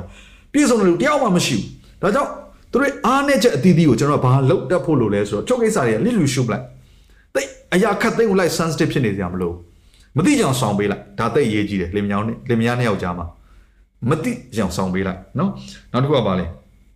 လျှို့ဝှက်ခြင်းနဲ့ကင်းစင်၏နော်ကဲနောက်ဆုံးကြပိုက်လေးကိုဖတ်ပြီးအဆုံးသတ်ခြင်းနဲ့သူအဲ့ဒါကိုဘာပြောလဲဆိုတော့အသင့်တင့်နေခြင်းကပြုစုသောသူတို့သည်ဖြောက်မှတ်ခြင်းတရားဤမျိုးစေ့ကိုငြိမ်သက်စွာကျဲတကြ၏ကဲဒါမျိုးစေ့ကျဲခြင်းကြောင့်ဒီနေ့ကျွန်တော်ပြောတယ်လေအဲ့တော့ဒီကျမ်းစာကိုသင်သေချာမှတ်ထားပါယာကုပ်ခန်းကြီး3ဖြစ်တယ်နော်အဲ့ထဲမှာသင်ဖတ်ပြီးတော့အဲ့တော့ဒီလိုမျိုးဆိုးရွားတဲ့အချိန်တွေကိုမရောက်ဖို့ရန်သင်ရဲ့အသက်တာကိုစပြီးပြင်ဆင်ပါသင်ရဲ့အတွေးခေါ်တွေကိုစပြီးတော့ပြန်ပြီးတော့နော်ပြန်ပြီးတော့ redirect ပြန်လုပ်ပါနော်နှုတ်ကပတ်တော်ဘက်ကိုပြန်ပြီးတော့ redirect လုပ်ပါလမ်းညွန်ပါပြီးရင်ဆုံးဖြတ်ချက်ချပြီးတော့ဒီနေ့ကောင်းမွန်တဲ့အိမ်တော်တစ်ခုကိုဘုရားခင်အလိုတော်နဲ့အညီတိဆောက်ဖို့ရန်အတွက်ဒီຢာတွေရန်ဖြစ်ချင်းဆိုတဲ့ຢာတွေကိုမဖြစ်ဖို့ရန်အတွက်စပြီးတော့ပြင်ဆင်ဖို့ကျွန်တော်အားပေးခြင်းပါတယ်ဟုတ်ပါတယ်ဇနီးမောင်နှံနှစ်ယောက်အဲကွဲပြားမှုမဖြစ်စေဖို့ရန်အတွက်နော်တကယ်ကိုရံပွဲတွေမဖြစ်သွားစေဖို့ရန်အတွက်အဓိကအရေးကြီးတဲ့အရာကဘာလဲဆိုတော့ရှာဖြစ်တယ် ရှာအားဖြင့်ပဲကျမတို့ရဲ့เนาะဒီပြဿနာအကြီးကြီးတွေဆိုတာဖြစ်လာတယ်အဲယာကုပ်အခန်းကြီး3အခန်းငယ်3ကနေ10ထဲမှာလည်းဗာပြောထားလဲဆိုလို့ရှိရင်မြင်းရဲ့ပါဇက်ကနေပြီးတော့ဇက်ခွန်လိုက်လို့ရှိရင်မြင်းတစ်ကောင်လုံးကိုလှည့်လို့ရတယ်ဘလောက်ပဲအားကြီးနေပါစေတဲ့ဒီသူ့ရဲ့ပါဇက်ထဲကနေပြီးတော့ဇက်ခွန်လိုက်တာနဲ့ဒီမြင်းတစ်ကောင်လုံးဟာထိမ့်ချုပ်ပြီးသားဖြစ်သွားတယ်ဒီလိုပဲတင်မောတစည်းလေဟုန်နဲ့ရေပြင်ပေါ်မှာဘလောက်ပဲ သွားနေပါစေဒီတင်မောတစည်းရဲ့ဥတီချက်ကိုပြောင်းလဲသွားနိုင်ဖို့ရန်အတွက်လည်းအဓိကလိုအပ်တဲ့အရာကတက်မလေးပဲဖြစ်တယ်ဒီတက်မအားဖြင့်ဘလောက်ပဲကြီးကျယ်ပါတယ်ခမ်းနားပါတယ်ဆိုရယ်တင်မောကြီးဖြစ်နေပါစေသူ့ရဲ့ direction အားလုံးကိုသူကအလှည့်အပြောင်းလုပ်နိုင်တယ်ဒီလိုပဲကျမတို့ရဲ့မိသားစုထဲမှာตายရတဲ့မိသားစုလှပတဲ့မိသားစုသူတို့ဘာကနေအတူယူပြီးတော့အားကြရတဲ့မိသားစုတစုဖြစ်လာဖို့ရန်အတွက်ကဒီနေ့တင့်ရဲ့အထဲထဲမှာရှိတဲ့တင့်ရဲ့ရှာကလေးအားဖြင့်ပဲထိန်ချုပ်လို့ရနိုင်ပါတယ်။ ဘာဖြစ်လို့ကျမအဲ့လိုပြောလဲဆိုရင်လူတစ်ယောက်ကိုတင်ဘလောက်ပဲစိတ်ဆိုးနေပါစေတင့်အထဲထဲမှာရှိတဲ့အရာကိုဘယ်သူမှမမြင်ရအောင်ဆိုတော့အဓိကအရေးကြီးတဲ့အရာကအထဲထဲမှာဘလောက်ပဲစိတ်ဆိုးနေပါစေတင့်ရဲ့ရှာနဲ့ပြန်ပြောလိုက်တဲ့စကားပေါ့နော်ဒီအရာကိုတင်ထိန်ချုပ်မယ်တင့်ရဲ့အမှုရာတွေအားလုံးကလည်းတင့်ရဲ့အပြောပေါ်မှာထိန်ချုပ်ပြီးသားဖြစ်နေမယ်ဆိုလို့ရှိရင်ဘယ်တော့မှခိုက်ရန်ဖြစ်ပွားခြင်းဆိုတာကကြီးကျယ်လာမှာမဟုတ်ဘူးအဲ့တော့ကျမအနေနဲ့အားပေးခြင်းနဲ့အဲဇနီးမောင်နဲ့များ ခိုက်ရန်ဖြစ်ပွားဖို့မဖြစ်စေဖို့အတွက်အဓိကတင်ထိန်ချုပ်ရမယ့်အရာကတင်ရှာဖြစ်တယ်တင့်ရဲ့ရှာအားဖြင့်တဲ့ဖះကိုကောင်းကြီးပေးတယ်တဲ့သို့တော်တဲ့ကိုနဲ့ဆက်ဆိုင်သောသူကိုကြတော့ကိုကကြိမ်ဆဲတယ်အပြစ်တင်တယ်နော်တကယ်ကိုမကောင်းမြင်တတ်တဲ့အရာတွေနဲ့ပြောဆိုကြတယ်တဲ့ဒီနေ့ဘုရားသခင်ကအဲ့အဲ့ဒီအရာတွေကိုအလိုမရှိဘူးတဲ့စမ်းရည်တစ်ပေါက်ထဲကနေပြီးတော့ပုတ်သောစမ်းရည်နဲ့ကောင်းသောစမ်းရည်မထွက်ပါဘူးတဲ့ဒါကြောင့်မလို့ကျွန်တော်တို့အသက်တာဟာ ဘုရားသခင်ကိုချီးမွမ်းကိုးကွယ်တဲ့အသက်တာဘုရားသခင်ကိုကိုယ့်ရဲ့နှုတ်ရှာပါဇက်နဲ့ဂုံပြုတ်တတ်တဲ့သူတွေဖြစ်တယ်ဆိုရင်ဘေးနားမှာရှိတဲ့ကိုယ်နဲ့ဆက်ဆိုင်သောသူကိုဂုံပြုတ်တတ်သောသူဖြစ်ပါချီးမွမ်းတတ်သောသူဖြစ်ပါကောင်းသောအရာကိုရှာဖွေပြီးတော့မှအအမြဲတမ်းပြောဆိုတတ်သောသူဖြစ်ဖို့အတွက်အရန်ရည်ကြီးပါတယ်နောက်တစ်ခုအကယ်၍များအဲသင်တို့ဇနီးမောင်နဲ့နှစ်ယောက်ကြားထဲမှာပေါ့နော်ကြောက်ကစားဖြစ်လာလို့အခြေအတင်ပြောတော့မဲ့အခြေအနေမျိုးလေးဖြစ်လာပြီဆိုရင်လှုပ်လို့ရတဲ့အရာကဘာလဲဆိုရင် စကလုံးလေးတစ်ခုနဲ့တသက်မမှတ်ပေါ့နော်အဲတယောက်နဲ့တယောက်တတိပေးတဲ့အရာမျိုးပေါ့ဒီရံပွဲမဖြစ်အောင်ထိမ့်ချုပ်သွားစီမယ့်အရာမျိုးလေးအဲတသက်မမှတ်လေးထားတဲ့နေဥပမာဆိုရင်ကျမတို့ဇနီးမောင်နဲ့နှစ်ယောက်ထဲမှာဆိုရင်ကျမတို့အဲနည်းနည်းလေးစကားလေးတွေမြင့်လာတော့မယ်လေတံလေးတွေမြင့်လာတော့မယ်ဒါမှမဟုတ်အပြုတ်မူလေးတွေပြောင်းလာပြီဆိုရင်အဲကျမတို့သုံးလုံးတဲ့စကားလေးတစ်ခုရှိတယ်အဲ့ဒါကတော့မနက်ကိုအခွင့်မပေးနဲ့ အဲ့လိုမျိုးထိန်းချုပ်လိုက်တဲ့အရာပေါ့နော်ဆိုတော့ကျမကလည်းဆရာကိုသတိပေးတာရှိလို့ဆရာကလည်းကျမကိုသတိပေးတာရှိတယ် strike break နော်ငါတို့ဒီရန်ဒီခိုက်ရန်ပြုတ်ခြင်းတွေကိုငါတို့အဆုံးသတ်လိုက်ရအောင်ဆိုတဲ့အရာမျိုးပေါ့နော်ဆိုတော့ဒီအရာကတကယ်အဆင်ပြေတယ်ဆိုတော့အဲ့လိုမျိုးလေးပြောခြင်းအပြင်တယောက်နဲ့တယောက်အဲပို့ပြီးတော့သတိရှိသွားမှာဖြစ်တယ်ကိုယ့်ရဲ့အတွင်းထဲမှာရှိတဲ့ကိုယ့်ရဲ့ဒေါသကိုလည်းပြန်လည်ပြီးတော့ထိန်းချုပ်လိုက်တာ ਨੇ တူပါတယ်ဒါကြောင့်မလို့ညီကိုမောင်မများ ကြီးကျယ်လှတဲ့ပြဿနာကြီးတွေမဖြစ်ဖို့ရန်အတွက်เนาะအနာဂတ်မှာအာကိုယ့်ရဲ့သားသမီးတွေကိုကြောင့်เนาะအာသူတို့တွေဒဏ်ရာမရသွားဖို့ရန်အတွက်စိတ်ဒဏ်ရာမရသွားဖို့ရန်အတွက်เนาะဒါမှမဟုတ်သူတို့ရဲ့အနာဂတ်မှာသူတို့တီထောင်မဲ့အိမ်အောင်မိသားစုတွေထဲမှာကိုယ့်ရဲ့မကောင်းမှုကိုမြင်ပြီးတော့မကောင်းတဲ့အိမ်အောင်တွေတီထောင်မဲ့เนาะအာသားသမီးတွေမဖြစ်စေဖို့ရန်အတွက်ကိုယ့်အနေနဲ့ပုံသက်တည်ဖြစ်ဖို့နဲ့အရေးကြီးပါတယ်အကယ်၍များ နော်ဟိုတင့်အနေနဲ့စကားတွေဘာတွေအခြေတင်ပြောရမယ်ဆွေးနွေးရမယ်အခြေအနေမျိုးရှိလာခဲ့ရင်တော့မှကလေးတွေအရှိမမပြုတ်မှုပါနဲ့အာကိုယ့်ရဲ့အခန်းထဲမှာပေါ့နော်ခဏလောက်တွားပြီးတော့လင်းမြနှစ်ယောက်စကားပြောပါအတန်အော်ကြီးဟစ်ခြင်းနဲ့လည်းမပြောစီချင်ဘူးအဲ့ဒါအကျင့်ပါသွားတတ်တယ်အဲ့လိုမျိုးအတန်တွေကိုမြင့်ပြီးဆိုရင်နောက်ပိုင်းမှာအဲ့အဲ့ level ကနေစစပြီးတော့မြင့်ပြီးတော့ ပြောလာတတ်တဲ့အရာတွေကိုလည်းပြန်ပြီးတော့တွေးရှိရပါတယ် ကီးနော်ကီးတွေချိန်သွားတာပေါ့နော် ကီးတွေဖြည်းဖြည်းနဲ့ မြင့်သွား နော်တချင်းဆိုတဲ့အခါမှာကီးချင်းတယ်လို့နော်ဆိုတော့ကို့အနေနဲ့အဲအဲ့လိုကီးမချင်းတဲ့နော်လေတံမျိုးလေးတွေဖြစ်ဖို့ရန်အတွက်အမြဲတမ်းအာကိုကိုဇနီးမောင်နဲ့နှစ်ယောက်ကြားထဲမှာအမြဲတမ်းတယောက်နဲ့တယောက် respect and honor လို့ခေါ်တဲ့ရိုသေလေးစားခြင်းရှိပါလို့ကျွန်မပြောချင်ပါတယ် ရမဖြစ်ဘူးလို့ကျွန်တော်မပြောဘူးเนาะအဲ့တော့ရန်ကတော့ဖြစ်တယ်เนาะလင်းနဲ့မရရှာနဲ့သွားဆိုတခါတလေ ခလုတ်တိုက်တာလေးရှိတာပေါ့အဲ့တော့ကျွန်တော်တို့ဒီနေ့ကနော်အာရန်မဖြစ်တဲ့လင်းများနှစ်ယောက်ဆိုတဲ့ဟာမျိုးကြီးကျွန်တော်ပြောနေတာမဟုတ်ဘူးဒါရန်ဖြစ်တတ်တဲ့သဘောသဘာဝတွေရှိတယ်ဒါပေမဲ့အလင်းအမြန်နော်ထိုအမှုကိစ္စကိုထိုမိဘွားကိုခါလေဒုက္ခရောက်လိုက်တဲ့အနေအထားအထိကိုယ့်ကိုဒုက္ခပေးနိုင်တဲ့အနေထားကိုယ်သားသမီးကိုယ်မိသားစုကိုပြိုကွဲနိုင်မယ့်အနေအထားအထိမရောက်အောင်ဘလို့ထိန်းချုပ်မလဲဒါလေးကိုကျွန်တော်အဓိကထားပြီးပြောနေတာဖြစ်တယ်ဆိုတော့ဆီယမနဲ့ကျွန်တော်ကကျွန်တော်ပြောခဲ့သလိုပဲเนาะဒီဟာကိုဒီဒီဆက်ဝိုင်းကိုရက် ကျွန်တော်ဖြတ်တောက်ဖြစ်ဖို့လိုတယ်နော်ဒီတန်ကြိုးကြီးပေါ့ကျွန်တော်တို့ချုံအောင်ထားဒီတန်ကြိုးကြီးကိုဖြတ်တောက်ဖြစ်ဖို့လိုတယ်အဲ့တော့ဆရာမနဲ့ကျွန်တော်တို့ကြားထဲမှာနောက်တစ်ခါသဘောမတူညီမှုတွေရှိလာတဲ့ခါမှာနော်ဆန့်ကျင်ဘက်တွေစပြီးတော့စကားပြောဖို့ဖြစ်လာပြီဆိုရင်ဆော့ဆော့ဆရာမပြောသလိုပဲအသုံးနှုန်းလေးကတော့သတိပေးတဲ့အသုံးနှုန်းလေးကတော့မာနက်ကိုခွင့်မပေးနဲ့ဆိုတော့မာနက်ကတော့ချောင်းနေတာလीနော်သူကနှစ်ယောက်ဒါကရောက်ကစားဖြစ်ပြီဆိုရင်သူကဒါသူ့အတွက်အကွက်ပဲအဲ့တော့အဲ့ဒီမှာသူ့ရဲ့အတွေးတွေထဲမှာလာပြီနော်သူ့ရဲ့အယူဆတွေအတွေးခေါ်တွေ စစ်လာတိုက်တဲ့သဘောမျိုးရှိတာပေါ့အဲ့တော့ကျွန်တော်တို့ကအခွင့်မပေးဘူးလုံးဝလိုတယ်နော်အခွင့်မပေးရအောင်ဒါဆိုအခွင့်မပေးဘူးဆိုရင်သူ့ရဲ့နေလန်းကပါလေအဲ့ဒါပါလို့ဆိုဘုရားရဲ့အလိုတော်ကိုလိုက်ဖို့ဖြစ်တယ်တဲ့ဒါဆိုရင်မာနက်ဟာတင့်စီကထွက်သွားလိမ့်မယ်နော်မာနက်ကိုစီးတားပါဆိုရင်နှုတ်ကပတ်တော်မလာခင်မှာလာတဲ့နှုတ်ကပတ်တော်ကဘုရားသခင်အလိုတော်ကိုလိုက်ပါဆိုအင်္ဂလိပ်လိုဆိုတော့ submit ဆိုတဲ့စကားလုံးလေးကိုသုံးတယ်ဘုရားသခင်ကိုဝန်ခံလိုက်ပါဆိုဘုရားသခင်ကိုဝန်ခံခြင်းကိုယေရှုခရစ်တော်ကပုံပမာအဖြစ်သူကသူ့ရဲ့အသက်ရှင်မှုအဖြစ်သူကပြောခဲ့တယ်လေသူကစာရန်နဲ့ရဲ့စာရမန်နဲ့ရဲ့ ဒီစုံစမ်းနောက်ဆက်ခြင်းကိုသူကြုံရတဲ့အချိန်မှာเนาะသူကဘယ်လိုတုံ့ပြန်လဲဆိုတော့ကြုံရတဲ့အချိန်တိုင်းမှာသူကကျမ်းစာလာသည်ကကျမ်းစာလာသည်ကသူကဒါပဲပြောတယ်ဆိုတော့သူကဘုရားသခင်အလိုတော်ပါလေအဲ့ဒါကိုသူဝန်ခံမယ်ဆိုတဲ့အရာကိုပဲပြန်ပြီးတုံ့ပြန်လိုက်တဲ့ခါမှာမန္တန်ကသူ့စီကထွက်သွားတယ်ဒါကြောင့်ကျွန်တော်လင်မယားနှစ်ယောက်ရဲ့ကြားထဲမှာเนาะတယောက်နဲ့တယောက်ဒီရံပွဲကိုရက်စေမဲ့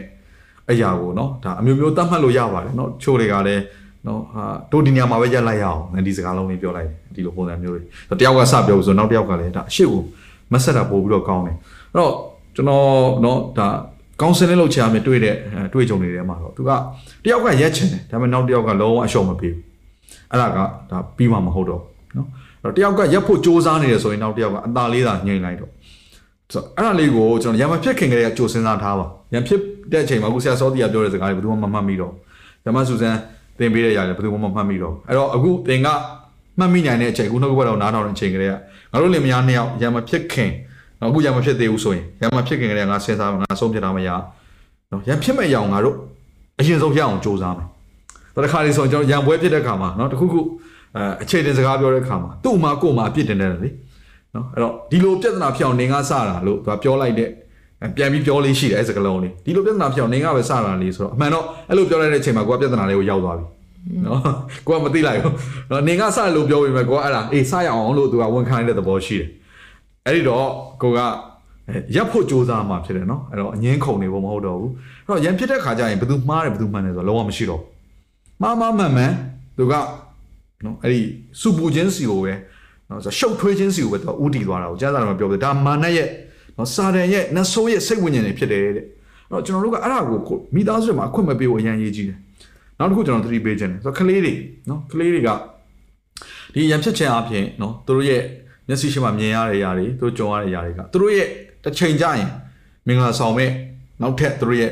အိမ်တော်ပြုခြင်းထဲမှာသွားပြီးတော့ဓာတ်ရိုက်သွားပြီးတက်ရောက်တယ်နော်သူကတင့်ယူတာကိုသူမြင်တဲ့ကြားရတဲ့ကိုတင့်ယူပြီးတော့အိမ်တော်ရေးကိုသူကအဲ့လိုတိဆောက်တဲ့သဘောရှိအဲကြောင့်ကျွန်တော်တို့ကကိုယ်သားသမီးတွေရဲ့အသက်တာထဲမှာလေဘယ်အရာတွေကိုမျိုးစစ်ဆိုင်မလဲအရေးကြီးပါတယ်ကျွန်တော်တခုပြောခြင်းရံဖြစ်ခြင်းကဘယ်တော့မှကောင်းတဲ့အရာကို ဒါပေါ်ထုတ်တဲ့ຢာတခုမဟုတ်ဆိုပါစို့အခုကျွန်တော်အခု virus ဖြစ်တဲ့အချိန်ကာလဆိုတော့ဒါလေးဥပမာပေးပြောခြင်းတယ်သင်မိသားစုတွေကို corona virus ရောက်တာသင်လိုချင်လားမလိုချင်ဘူးဘယ်သူမှမလိုချင်ဘူးကလေးစီရပဲလာလားမိန်းမစီရပဲလာလားကိုယ်စီရပဲเนาะယောက်ျားစီရပဲလာလားဘယ်ကပဲလာလားမလာစေချင်ဘူးအိမ်ထဲကိုလုံးဝအဝယ်မခံချင်ဘူးသိကြတယ်အဲ့ဒါကျွန်တော်ပြောမယ်ရံဖြစ်ရံဖြစ်ချင်းဆိုတဲ့အရာကအဲ့ဒီသဘောပဲဘယ်ကပဲဆဆဘယ်ကပဲဆဆနော်သူကအားနေချက်ပဲဆဆအမှားကပဲဆဆသူက ဝင်လာပြီဆိုရင်သူက virus လို့ပဲတဲ့အိမ်လုံးကိုသူကတက်ရောက်တာဖြစ်တယ်ကလေးတွေလည်းသွားပြီးတော့တက်ရောက်တာပဲပတ်ဝန်းကျင်လည်းသွားတက်ရောက်ကိုအလုပ်ကိုလည်းသွားတက်ရောက်တယ်အကုန်လုံးပေါ်မှာသွားပြီးတက်ရောက်တယ်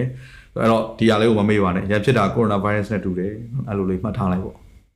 ဟုတ်ပါတယ်ကျမတို့ဇနီးမောင်နဲ့နှစ်ယောက်ထဲမှာအဲဒီလိုမျိုးကြောက်ကစားဖြစ်တဲ့အရာရံဖြစ်ခြင်းတွေအမြဲတမ်းရက်ငိမ့်သွားဖို့ရန်အတွက်စူးစမ်းမှာဖြစ်တယ်ဇနီးတို့မဟုတ်ခင်မွန်းတဲ့ကအမြဲတမ်းအဲ့အတွက်အားစိုက်ထုတ်ပါ ဆိုတော့ကျမတို့ဇနီးမောင်နဲ့မှာဆိုရင်အာဘသူကပဲเนาะဟိုစိတ်ခုအောင်လှုပ်လှုပ်အဲ့တော့ကျမအနေနဲ့ကျမဘက်ကနေပြီးတော့ဆုံးဖြတ်ချက်ချတဲ့အရာလေးတစ်ခုကိုပြောပြမယ်ဘလောက်ပဲငါဘက်ကမှန်နေပါစေငါဘက်ကမှားနေပါစေ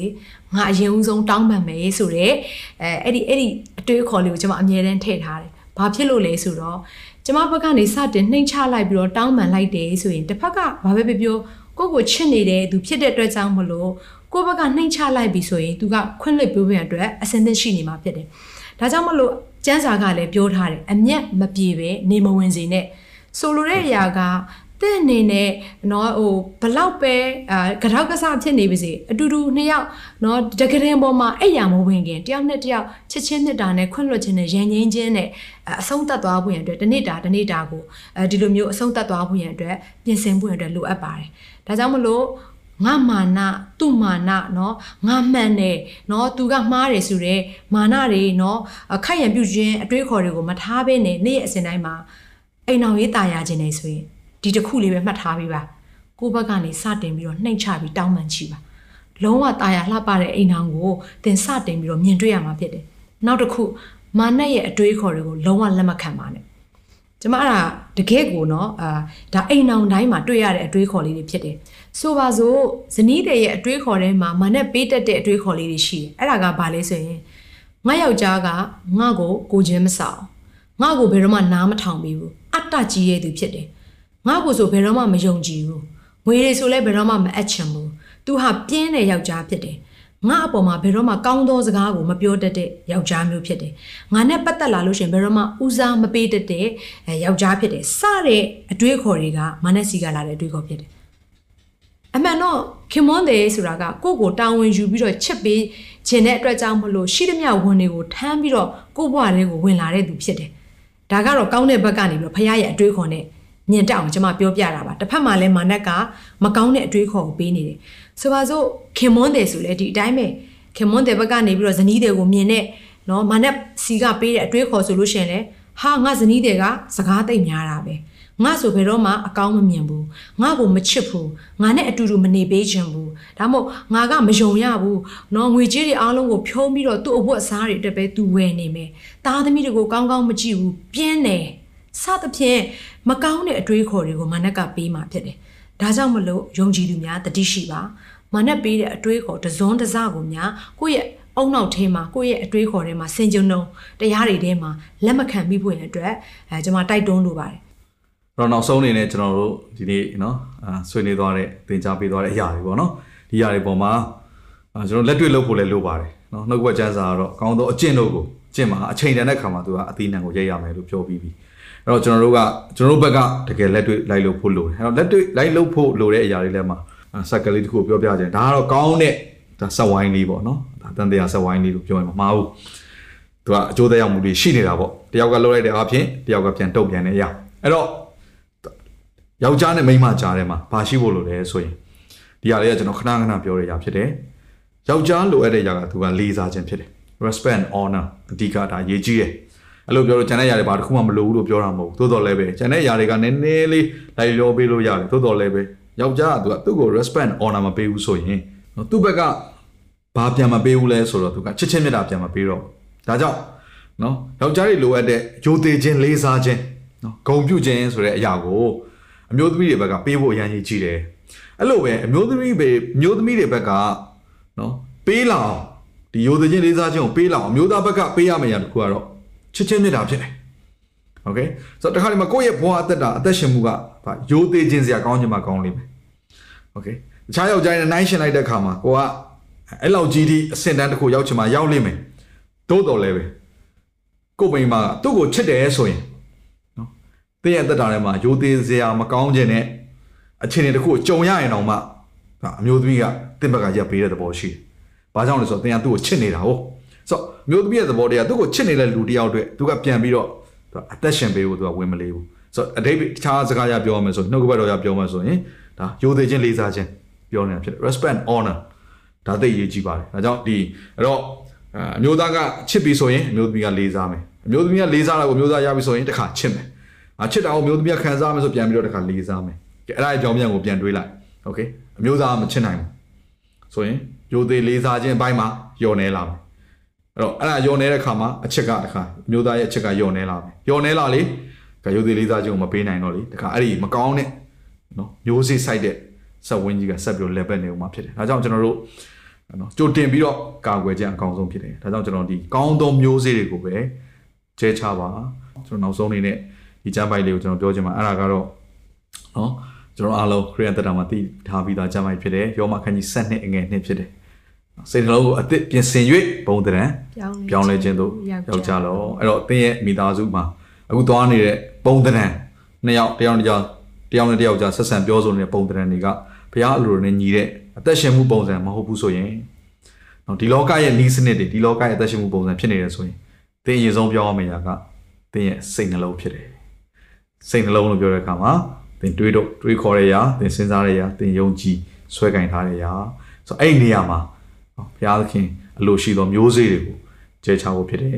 ဒါနာနောက်ဆုံးရဲ့နောက်ဆုံးပေါ့နော်နောက်ဆုံးလှုပ်ဝက်ချက်တွေတစ်ခုပြောပြမယ်လှုပ်ဝက်ချက်အခုကျွန်တော်တို့ပြောတဲ့အခါမှာတယောက်နဲ့တယောက်မျိုးစေ့ကျဲခြင်းတွေကိုပြောကြတာမျိုးသားမျိုးသမီးကိုကျဲမျိုးသမီးကမျိုးသားကိုကျဲကျွန်တော်တစ်ခုပြောချင်တယ်လှုပ်ဝက်ချက်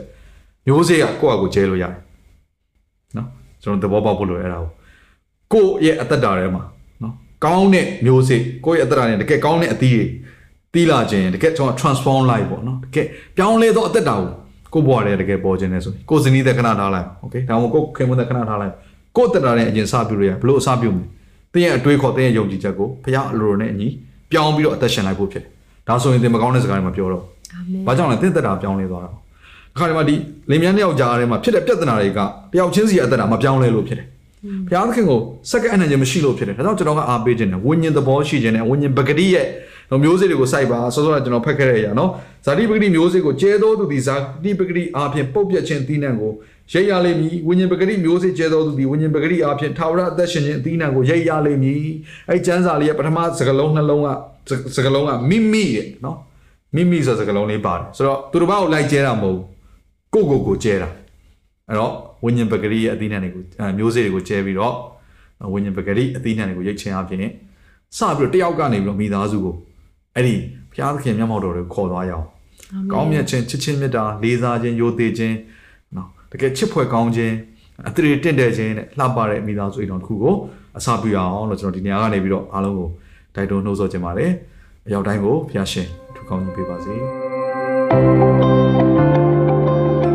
ဒီအစီအစဉ်လေးအပြင်တင်းရဲ့အသက်တာမှာကောင်းကြီးဖြစ်မယ်ဆိုတာကိုကျွန်တော်ယုံကြည်ပါတယ်ဗီဒီယိုကြည့်ပြီးခံယူလို့သူများအတွက်အပတ်စဉ်တရားဟောခြင်းများ Bible Study